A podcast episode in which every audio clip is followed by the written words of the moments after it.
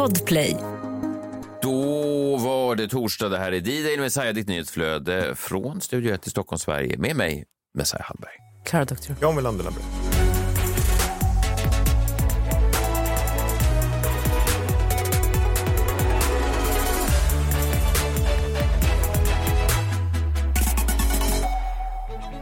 Oj, oj, oj. Vilken torsdag. Hur mår ni? Ja, men sådär. Jag känner mig lite vimsig. Vimsig. Lite torsdagsvimsig. Du var även lite vimsig igår. Vad är det? Är det för att du varit och spelat in Jeopardy under veckan? ja, det kan det ju vara. Ja. Jag kanske tömde ur Ja, eh, alla, tror det. Alla hjärnceller där. hjärncellerna. Och De nu- använde jag och nu är de slut. Nu är de helt slut. Ja. Nu är det bara du här. Vilket är trevligt. men- Skal. Ett skal. Ja, verkligen. Jag, jag har sänt med sådana kvinnor förut. eh, och, eh, Som inte hade varit på Jeopardy innan. Nej, vad de hade ingen ursäkt. Vad De snäll. hade ingen ursäkt. Vadå, de kom bara dit utan hjärnceller? Ja. Oj. Häromdagen så hade filmen Året jag slutar prestera och börja onanera premiär på Netflix. Ja, jag såg det. Ja, och den var då i veckan den femte mest sedda filmen i världen på Netflix. Men vet ni att Erika Wasserman som har gjort filmen då och, och regisserar den, hon la upp på Facebook och taggade mig i det inlägget. Så hon ser ju mig som en av eh, the contributors Ja, du, var, till du var med den och filmen. skrev manus, eller nej? Ja, Jag var med och feedbackade hennes Ja, manus. ja. Den femte mest i världen? Ja, Ja, men, och det här hade då uppmärksammats, uppmärksammats av DN tror jag, att den engelska titeln på filmen eh, Året jag slutar prestera och börjar onanera, det här kan ju då förklara varför Ja, såklart. Okej, Den heter, på, som, den heter då på, på engelska bara. Glöm att eh, prestera. Den heter bara The year I started masturbating. Ja, och så, så hamnar den nog på den här, man ser att det finns den här hemliga koden som man ska trycka in på Netflix för att bara få då alla ero- erotiska filmer. Jaha, finns jo, en sån? Ja, men det finns en sån. Oj, och den sprids ju alltid. Det står så att det här ska du trycka in. Och det är X och 3, 4 och så här man ska skriva. Så får man in den då. Vad händer då? Ja, men då får du upp alla erotiska. Det är liksom som en, alla grejer är ju kodade med olika grejer. Och Ja, det är ja, och, erotika-koden. och där, jag menar när man känner till den så är man ju säkert bara där inne. Inte jag, men andra är säkert bara där inne. Och då Nej, har den okej. nog hamnat där tror jag. Alltså, vad händer om man vill se en helt vanlig serie som inte har erotik? Men det är ingen som vill se det. Men då ska, jag, det, då, ska jag säga till er också att den hette faktiskt bara året jag började onanera från början. Ja. Men det var väl någon eh, på SF eller någonting som sa att du måste förklara titeln tydligare så folk fattar. Mhm. Så året jag slutade prestera och började onanera blev det då. Slut. Men det är inte- ju mycket starkare med året jag började onanera. För när jag var involverad då hette den fortfarande det. Om den heter bara året jag slutar prestera det låter ju inte lika kittlande. Nej, det var väl det vi... det året. Det låter som en sån eh, mindfulness-kurs eller någon här Johannes Hansen-föreläsning. Ja, verkligen. Ja. Nej, det är inte alls lika spännande. Nej, även om det är väl många som tittar på hans föreläsningar. Ja, eller om han skulle sätta upp eh, föreläsningen Året jag började onanera. med sån whiteboard. Ja, det hade säkert dragit. Eller han sitter så, han sitter så som Backstreet Boys med Anders stolen bak och fram. Stolen bak och fram. Ja, men du vet, Ja, ja, keps. De vill ju se lite avslappnade ut, som att de bara säger li- livsvisdomar, men det är inte särskilt eftertänkt. Jag måste då säga det jag älskar Anders Hansen. Jag tycker att han är... Johannes Hansen pratar jag om nu. Jaha, Johannes Hansen. Okej, men jag älskar Anders Hansen också. Jaha. Är det en tävling där du bara nämner olika Hansen som jag. För på tal om Anders Hansen då, för nu var det ju fel Hansen. Jag tänkte in- inte på Johannes Hansen. Jag Nej. vet vem Johannes Hansen är också, inte dum i huvudet. Nej, trots Eh, Jeopardy. Vem är Anders Hansen? Vem är Anders Hansen? Har ni tänkt på i alla intervjuer han gör på tv så ser han ut som att han är jättearg. Jaha. Jag skulle inte vilja bli intervjuad av honom. Tänk Nej. på det nästa gång ni ser någon av hans serier på SVT. Ja. Anders Hansen då, inte Johannes Nej. Hansen. Då tänkte jag på de här bröderna Hansen, Mbap. De var ju kanon. Ja, men de heter väl ändå Hansson? Jag tycker att det spelar med. Allt Bröderna Hansen. Ja, och låten heter väl för fan inte Bröderna Mbap. Hansen. Vad heter den då? Mbap. Mbap. Vad säger han? Mbap. Fan, nu är vi inne på petitesser. Ja. Mbap. Mbap. Mbap. Vad fan? Mbap. Det är väl exakt samma sak. Johannes Hansen, ja. Det är han som har en massa föreläsningar. Ja, men Mm. nu är jag med. Ja. Min brorsa har varit på någon av hans och sa så här, du, om du går på hans eh, föreläsning så kommer ditt liv att bli förändrat, jag lovar. Och Det, så det är väl jag, exakt jag det som de vill. tror inte det. Nej, men det är väl exakt det de vill att folk ska säga om deras föreläsning. Ja, alltså, det är väl, då har han ju lyckats. Och så ska man Men betala så han här, där då? 60 000 spänn Jag tycker för det att så åka på någon. diffust. Liksom. Alltså om man går på en kurs hos så här mystery, då får man ju lära sig ragga till exempel. Ja. Alltså så jag är för att gå Vill du sätta mystery på kartan och tänker du att det är Men allmän han gods? från The Game som lär killar att ragga. Och jag menar, eller om du går hos, eh, jag vet inte, vem, vem finns det mer? Men vänta här nu. Om man går in på Johannes Hanssons hemsida nu så står det två citat av- av kunder. Den ena heter Gina och den andra heter Bianca. Är det då Gina Dirawi och Bianca Ingrosso? Så jävla tung. Han har hjälpt mig att hålla fast vid mig själv och min tro och gjort att jag vågar lita på min egen förmåga. Och sen så Bianca säger, han är helt fantastisk, kan få mig att tänka och se på mitt liv, mina val, vem jag är och hur jag är på ett helt nytt sätt. Han är en Ett präst. sätt jag aldrig tänkt på. Han är en präst. ja. Älskar nya honom. Sekulariserad präst. Ja. Ja, en präst för människor som inte tror. ja. Det var ju han som eh, skickade hem sin senaste bok till mig när den kom. Och så slängde jag den vid sidan av sängen för jag var på väg för att vila som jag ofta är. Och så vaknade jag av att jag hör en röst som pratar med mig. Hallå där, Messiah. Hallå där. Messiah. Slå upp sidan 37. Den tror jag skulle passa dig. Och jag är så, du vet, man är yrvaken. Aj, Vad fan, fan, det vad pågår?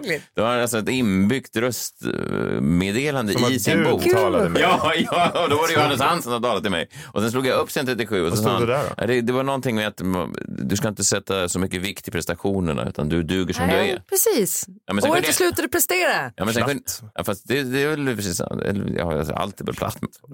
ja, men jag hade väl väntat mig lite, väntat mig lite mer. Från eh, ett snille till eh, ett annat. Välkommen till filosofiska funderingar. Jag vill inte att det ska finnas krig eller svält eller orättvisor. Ingenstans i världen vill jag det. Inte heller i Västsahara. Välkommen till filosofiska funderingar. Martin Vem? Melin i Ja, riksdagen. lät som han. Han sa det i Fan riksdagen. vad roligt om man hade sagt bara i Västsahara. Inte ens i Västsahara. ja, vad roligt om hade sagt bara i Västsahara. Ja, men det här är väl också någonting. Ja. ja, jag orkar inte. Nej. Jag vill inte att det ska finnas krig. Inte ens i Vet du vad, Västsahara. jag tycker han är en jävla trevlig kille va? Verkligen. Och väldigt bra smak inom standup. Ska man ge. Ja. Just det, men eh, han har varit på många Jeopardy-inspelningar innan riksdagen.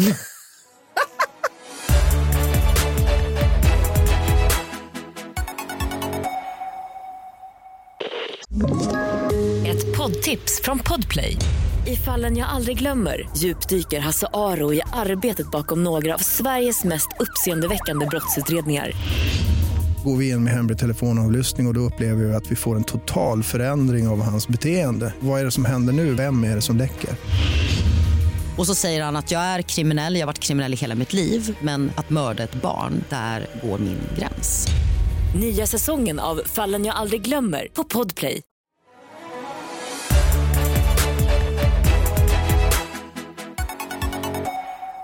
Det är lågkonjunktur va, men det hindrar inte mig för ibland beger mig ut till stans finare kvarter.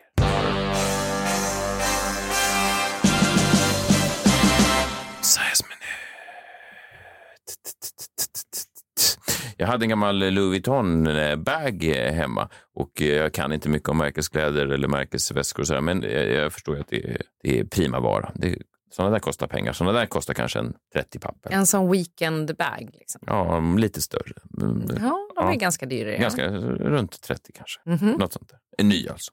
Och då hade jag den, då hade jag den under sängen eh, på landet. Den har legat där i många år. Det är en gammal klenod. Det var min franska släkting. eh, Louis. nej, men det var min eh, fars franska vän Guillermo. Klassiskt franskt namn. Nej, sp- spanskt. Men eh, han älskade såna här bags. I alla fall, så, då hade jag fått eh, arvegods. Sådär. Och så, så fick jag höra då från en vän att man kan gå in till Louis Vuittons butik i Stockholm till exempel och så piffar de upp dem. De sänder dem till Paris och byter ut delar som har blivit Ja, just eh, det. slitna. Det Eller... är Bra och hållbart. Ja, det är det va? Jag, jag trodde det var ironiskt, men nej, det är bra. Eller sarkastisk. Nej, det var bra. Nej, jag tycker att man ska köpa eh, grejer som man kan laga på flera år. Ja, precis. Och eh, det är väl en sån där nidbild när man går in i såna här butiker att de är lite eh, snorkiga kanske. Eller att de gärna vill förmedla en känsla av att, eh, tro inte att du Ja, man- passar in här. Man undrar lite vad det står i deras liksom, eh, jobbkodex. Ja. Så hur de ska hantera kunder som ser ut på ett visst sätt. Tänker du inte på det? Ja. Har de ett sånt? ja. Har de liksom en handbok? Så här, när det kommer in någon som ser ut som en luffare Ja. Men som ändå har ett par dyrskor. Välkommen. Men det är väl då man föreslår så här, vi kan visa vårt utbud av nyckelringar och sånt. Ja, fast det där är ju någon som är rik. Det är som Matson i, i Succession som klär ner sig. Det finns ett begrepp för det där med att man klär ner sig fast man är skitrik. Aha, okej.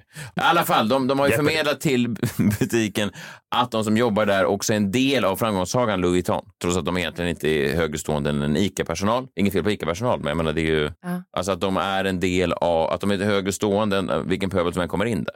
Det är ju lite den känslan man får. Mm. Att de är så här, kolla vad katten släpper in. Och ofta ser eh, de kvinnliga människorna som håller upp dörrarna åt en ut som att de kommer från Ryssland. Och det är inget fel på Ryssland. Men ryska kvinnor har ju en liten, det är en stramhet i dem.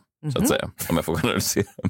De har ju en, eh, en frisyr och en, eh, en air av att de inte tar någon skit. Nej, Eller hur? ja, säkert. Förstår du ja. vad jag menar? Om en rysk man är otrogen till exempel, då blir det kanske en, en Kalashnikov eller någonting. Alltså att det så, Ja, ja. pekar med hela handen. Och eh, det här hände mig då, för jag var inne i förrgår i Louis Vuitton-butiken med den här bagen, för jag hade lite bråttom. Så då säger jag in och, så, och direkt när jag kommer in så är det nästan, hon håller upp dörren och sen så säger hon ursäkta mig. Säger hon till mig, ursäkta mig. Alltså det är inte hej och välkommen. Nej. Ursäkta mig, vad vill du? Mm. Underförstått. Ja. Och då säger jag, jag skulle vilja fixa den här väskan. Och då säger hon, jaha. Kanske besviken direkt att jag kommer in med något slags gammalt loppbitet och inte vill ha något nytt. ja. Ja, ja. Så man kan göra det här. Det stämmer, sa hon. Sen var det slut på information. Ingen mer information. Nej, precis. Så vad gör jag då? Du kan sätta dig ner där. Och så fick jag sätta mig ner och så sa jag, jag har lite bråttom, hur lång tid tar det? Det tar inte lång tid, sa hon. Det är två före dig. Vad heter du? Så sa Va? jag, Ska de, du uppge det? Ja, de ska ha namn. Jag vet inte varför. Men det känns som att man är Har de inte så GDPR på Louis Vuitton? Vad, vad är ditt Det är namn? Du åker in i mobiliseringen. Precis, det är en neutral zon. Ja, men så säger jag Hallberg. Hallberg, ja. Mm. Du vet, hon är inte ens nöjd med mitt namn. Hallberg, ja. Nej, just det. Det är inget finare Nej, namn. nej. Så Stein eller Nej, nej. nej, vanligt sånt Von. svennenamn. Liksom, Hallberg. Fon Ja. eller Ferr. Ja. Eller. Och så säger jag, "Jaha, vad gör jag då? Hon säger, sitt där, det här går snabbt. Så jag, går det snabbt? Så jag, det, här är inget, det här kommer gå snabbt. Snart får du hjälp, det är två innan dig. Och så säger jag, okej, hur snabbt? För jag har lite bråttom, jag skulle hoppa in i en taxi. sa hon, det är inget, det är 25-30 minuter. Va? Och då säger jag, 25-30 minuter för, för vad exakt?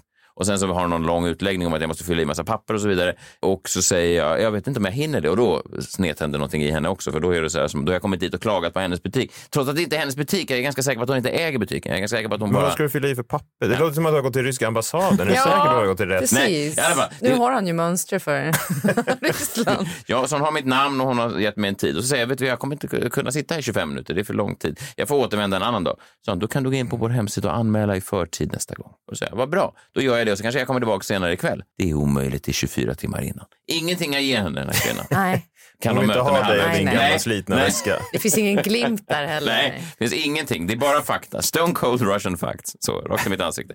Det är minst 24 timmar. Och så tittar hon på sin klocka. Så då ses vi inte förrän 15.00 imorgon. Och då vet hon väl att hon inte jobbar där så hon slipper se mig igen. Ja. Ja, Det är söndag. ja. då är det stängt. stängt. ja. Kom hit då. Ja, i alla fall. Och sen så eh, när jag ska gå ut så säger jag, nej men då eh, går jag in och bokar där. Är det på hemsidan bara? Stämmer. Ja, det är ingen mer information. Hon är väldigt så. Det finns liksom, hon vill inte ha här butiken. Ja, vad fan. Ja, och sen ska jag gå ut och då är jag bråttom ut och så har jag väskan i liksom, den har bara ett handtag vilket i och för sig ser konstigt ut. Så att jag kan förstå att jag... Den är i sånt skick alltså. Men var är den äkta Louis? Alltså, Ja, eller, den äkta. Du köpte den i Thailand, din pappas, eh, din pappas kompis Guillermo. Nej, den, måste, den måste vara äkta för att annars tror jag att den avslöjas när de börjar titta på den i butiken. Ja, för, ja, för jag, var tillbaka, Ja. jag var tillbaka dagen efter och då var det en mycket trevligare eh, icke-rysk eh, kvinna som tog hand om mig. Okej. Och då visade det sig att fixa smågrejer på en Louis Vuitton-väska kostar marginellt mindre än att köpa en ny. Nej. Ja, marginellt mindre. Nej. Marginellt mindre. Så då sa hon, och jag kan ta betalt nu på en gång. Så sa jag, ja, det kan du. Det har inte med att du kan. Så då drog jag mitt kort och nu har jag då betalt nästan fullpris för en bättre begagnad Louis Vuitton-väska. Nej men fan. Ja, fint. Ja, verkligen. Och så, så skrev jag direkt till min fru, så skrev jag, eh, det blev lite dyrare än vad jag trodde, men eh, det är väl bra. Och, Du får den av mig. Det här är en present från mig till dig. Och så sa han, men det är inte en sån väska jag vill ha. Så nu är det en sån. Så, nu är Du det. får gå tillbaka. Vadå, till den här ryssen? Så, Ja. Till en lång- Hon får en loppätning, gamla Det är weekendbag. så där man vill att det ska vara. Jag blir ändå glad av det där. Alltså man vill ju ha Ja. Louis Vuitton-kläder mer nu och väskor när man hör sådana där historier. Ja, jag håller med. Jo, men det är, det är exklusiviteten, va? dyrhet. Det är, det är ju det där som man säljer. Va? Ja. Och att de tar hand om ens grejer. Ja, och det. att de inte vill ha en. Varför går man in på nattklubbar där man inte, ingen vill ha en? Det är ju det som är tjusningen. Liksom. Ja, just det. Okej, en sista grej jag kom på också. Jag frågade den här ryskan. Skulle vi gärna vilja ha en rem på den? För det såg ut som det suttit en rem där. Mm. Så gick hon och uh, tittade på sin telefon och så tittade hon upp efter en minut och sa den där gamla modellen har ingen rem. så vände hon sig om och tittade på någon annan. Bra, som det ska vara. Tycker du det? Jo, men det är lite som att säga den här dörrvakten på Spybar. Det var som att han inte ville släppa in mig. Ja, Jo, jag förstår, men that's the point. Mm. då var hon ju bra. Eh, Jo, men jag tror hon är bra. Säkert en av Rysslands främsta butiksintendenter. Ja.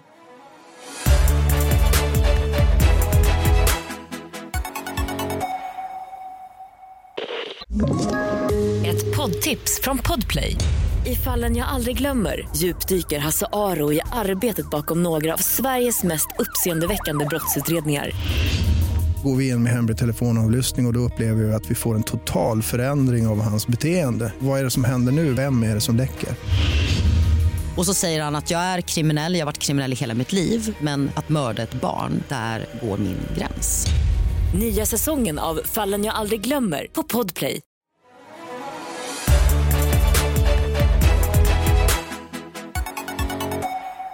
Torsdag morgon innebär också detta. Krimmorgon. Krimmorgon med John Wilander Lambrella. Ett eh, brottsfall som du tittar närmare på. Vad tittar du närmare på idag?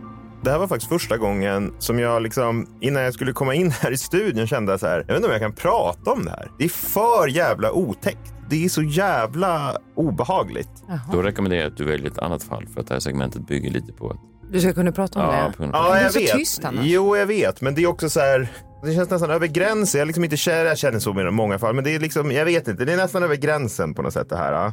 För det här fallet har kanske den mest otäcka detaljen som jag någonsin har hört talas om. Det otäcka är för, alltså det mest hjärtskärande, för det är så jävla hemskt alltså. Jag har hört talas om mycket eh, i mina liksom, krimundersökningar, men det här är något fruktansvärt utöver det vanliga. Jag har fortfarande svårt att liksom greppa det här riktigt. Låt oss prata om det idag. År 1985 så var Sharon Sherry Smith en 17-årig high school-student i Lexington, South Carolina. Hon höll på att förbereda sig för en skolresa till Bahamas eh, och innan det skulle hon sjunga nationalsången på sin skolavslutning då, Sherry. Och den 31 maj 1985 så var Sherry på väg hem från skolan. Hon bodde med sina två föräldrar, sin stora syster och sin lillebror. Hon stannade till vid familjens brevlåda som låg ett stenkast från huset. Typ 200 meter. Hennes pappa Bob då var hemma och såg Sherrys bil från fönstret. Den stod liksom parkerad bredvid brevlådan så han tänkte okej nu är hon strax hemma. Men Sherry kom aldrig hem. Och det ser ut som om hon parkerat bredvid den här brevlådan och sen bara blivit uppslukad av jorden när hennes pappa går ut för att kolla efter henne. Det vill säga bara 200 meter från sitt eget hus mitt på dagen. I bilen så hittar familjen Sherrys handväska på sätet och hennes svarta skor på bilgolvet. De blir ju givetvis då väldigt eh, rädda och oroliga. De kontaktar polisen som drar igång en enorm sökinsats direkt. Men man hittar liksom inte ett enda spår av Sherry någonstans. Hon är verkligen uppslukad av jorden. Två dagar senare så kommer ett telefonsamtal hem till familjen Smith, eh, Sherrys familj. Och hennes mamma Hilda svarar då, Hilda. Det är en man som ringer, han säger att han har Sherry. Eh, han beskriver också vad Sherry har på sig för kläder, eller vilka kläder hon hade då när hon försvann då för att visa att ja, det är jag som har henne. Han säger att han tänker släppa henne och att de två nu sitter och äter middag och tittar på tv. Mannen säger också att han skickat ett brev hem till familjen som borde komma när som helst. Polisen då beger sig genast till postkontoret i stan då och lyckas hitta det här brevet. Man orkar inte vänta på att brevbäraren ska lämna ut det utan de åker till postkontoret, letar igenom alla brev, hittar det här brevet som en person har adresserat till familjen. Och ja, det är det här som är så jävla otäckt. Alltså så jävla otäckt. För det är nämligen inte kidnapparen som har skrivit brevet. Det är Sherry själv. Familjen känner direkt igen hennes handstil. Det står datum och klockslag. Och längst upp på brevet så står det med stora bokstäver. Last will and testament. Hon har tvingats skriva sitt eget Testamente Ja. då, betyder ju det. Och då skriver Sherry bland annat I love you, mommy, daddy, Robert, Dawn and Richard and everyone else and all other friends and relatives. I'll be with my father now, so please, please don't worry. Just remember my witty personality and great special times we all shared together. Please don't even let this ruin your lives. Just keep living one day at a time for Jesus. Some good will come out of this. My thoughts will always be with you and in you. I love you all so damn much. Sorry dad, I had to cuss for once. Vad Ja, det är ju det här som är så fruktansvärt hemskt. Han har alltså tvingat henne då att sätta sig ner och skriva det här brevet med vetskapen då att hon kommer att dö. Och att Sherry då har kunnat ha sinnesnärvaron att skriva det här brevet är ju liksom helt otroligt. Det är så svårt att ta in. För längre ner i brevet så skriver hon också om hur hon vill ha sin begravning. Och det är en detalj här som vägrar lämna mig och som är ännu mer otäckt då. Sherry skriver nämligen att hon vill ha en stängd kista. Något som tydligen inte var vanligt i hennes släkt. Och det man undrar då är ju vad i helvete den här gärningsmannen har sagt att han ska göra med henne som fått henne att skriva det. Hon avslutar med PS. Nana, I love you so much. Always kind of felt like I was your favorite. You were mine. Ja, tungt. Efter detta kommer ett nytt telefonsamtal från kidnapparen där han säger att han och Sherry nu är one soul. Och det fattar man ju då vad det innebär. Det är mycket som är fruktansvärt med det här, men något som också är ovanligt är att kidnapparen aldrig säger vad han vill ha. Nej. Alltså, jag tror aldrig jag har hört talas om ett sånt fall. Det verkar ju som att han inte bara vill begå det här brottet, han vill också liksom nästan håna familjen. Han bad alltid att få tala med Hilda, mamman då. Han nämnde även Sherrys syster Dawn vid namn ett par gånger. Man spårar ett av de här samtalen till en telefonkiosk, men man hittar inga spår där. Sen ringer han ytterligare en gång och då berättar han var de kan hitta Sherry någonstans. En vecka efter hennes försvinnande åker polisen dit och hittar Sherrys kropp. Rättsläkaren slår fast att hon troligtvis dog inom ett par timmar efter att hon skrivit det här brevet då, sitt testamente. Man slår fast också att Sherry har blivit strypt och dött av kvävning och att hon har blivit utsatt för övergrepp. Polisen drar igång en mordutredning då såklart, men man står och famlar i jakten på hennes mördare och telefonsamtalen fortsätter komma. Bland annat ringer han hem till Sherrys familj samma dag som begravningen och beskriver hur han har dödat henne. Ett par veckor senare ringer han igen och den här gången vill han igen bara prata med Hilda, mamman. Men nu vill han prata om, nu, nu vill han prata om någonting annat, om en person som heter Deborah May Helmick. Och det här vet ju inte Hilda vem det är. Och vem var hon då? Jo, hon var en nioårig flicka utan koppling till Smith-familjen som blivit kidnappad från en annan familj en bit därifrån. Eh, det som hade hänt då var att en granne hade hört nioåriga Deborah skrika och sedan sett henne försvinna i en bil med en okänd man. Mm. Den här familjen Smith då, eh, de hjälper till med att fortsätta ha kontakt med den här gärningsmannen för att liksom försöka få reda på var den här Deborah kan finnas då. Till slut så avslöjar han då var man kan hitta henne, man hittar hennes kropp, hon har blivit mördad och man inser nu att man har en seriemördare på fri fot. Nästan hela staten South Carolina blev engagerad i det här sökandet. Ni vet familjer börjar hålla vakt på nätterna, medborgargarden, allt sånt där. Och det tar ett tag, men sen får polisen ett genombrott. Det är ett labb som har analyserat det här brevet som Sherry skrivit.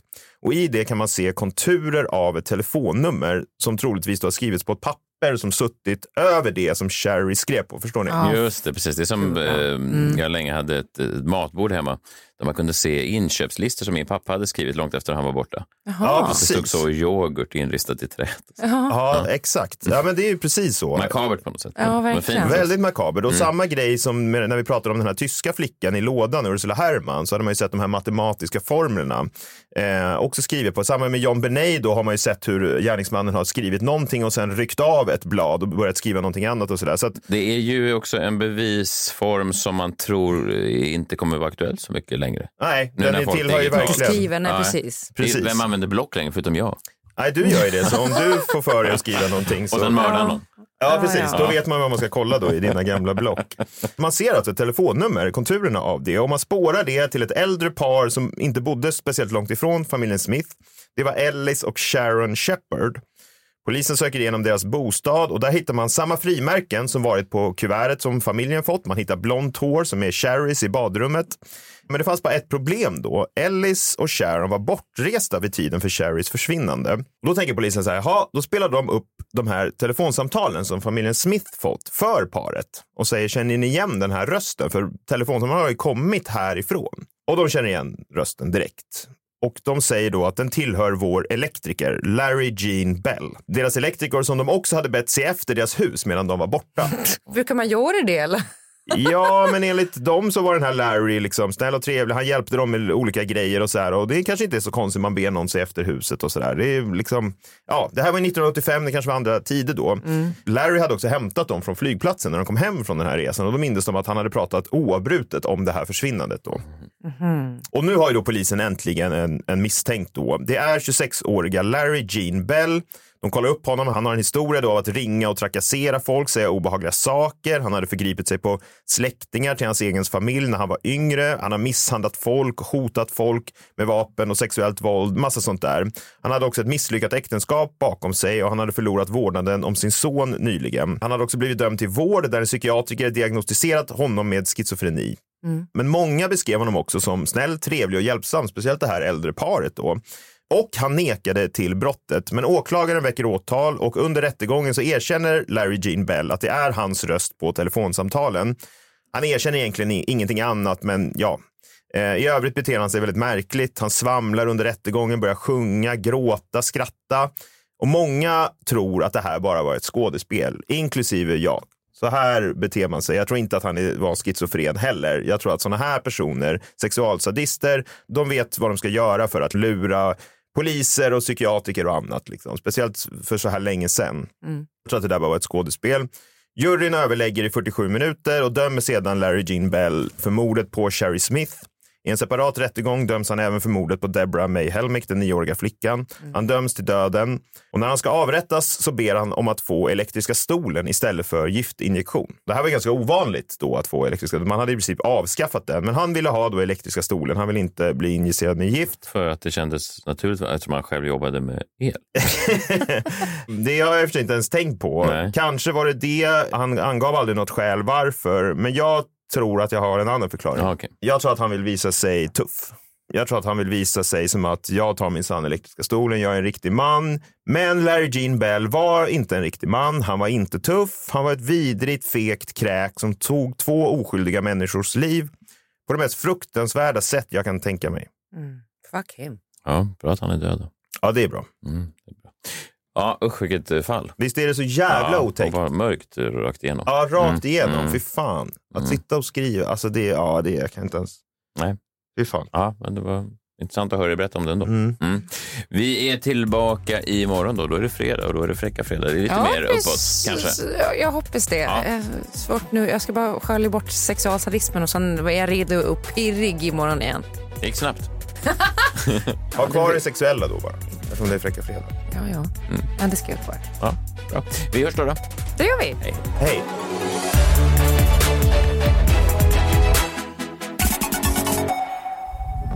Podplay, en del av Power Media.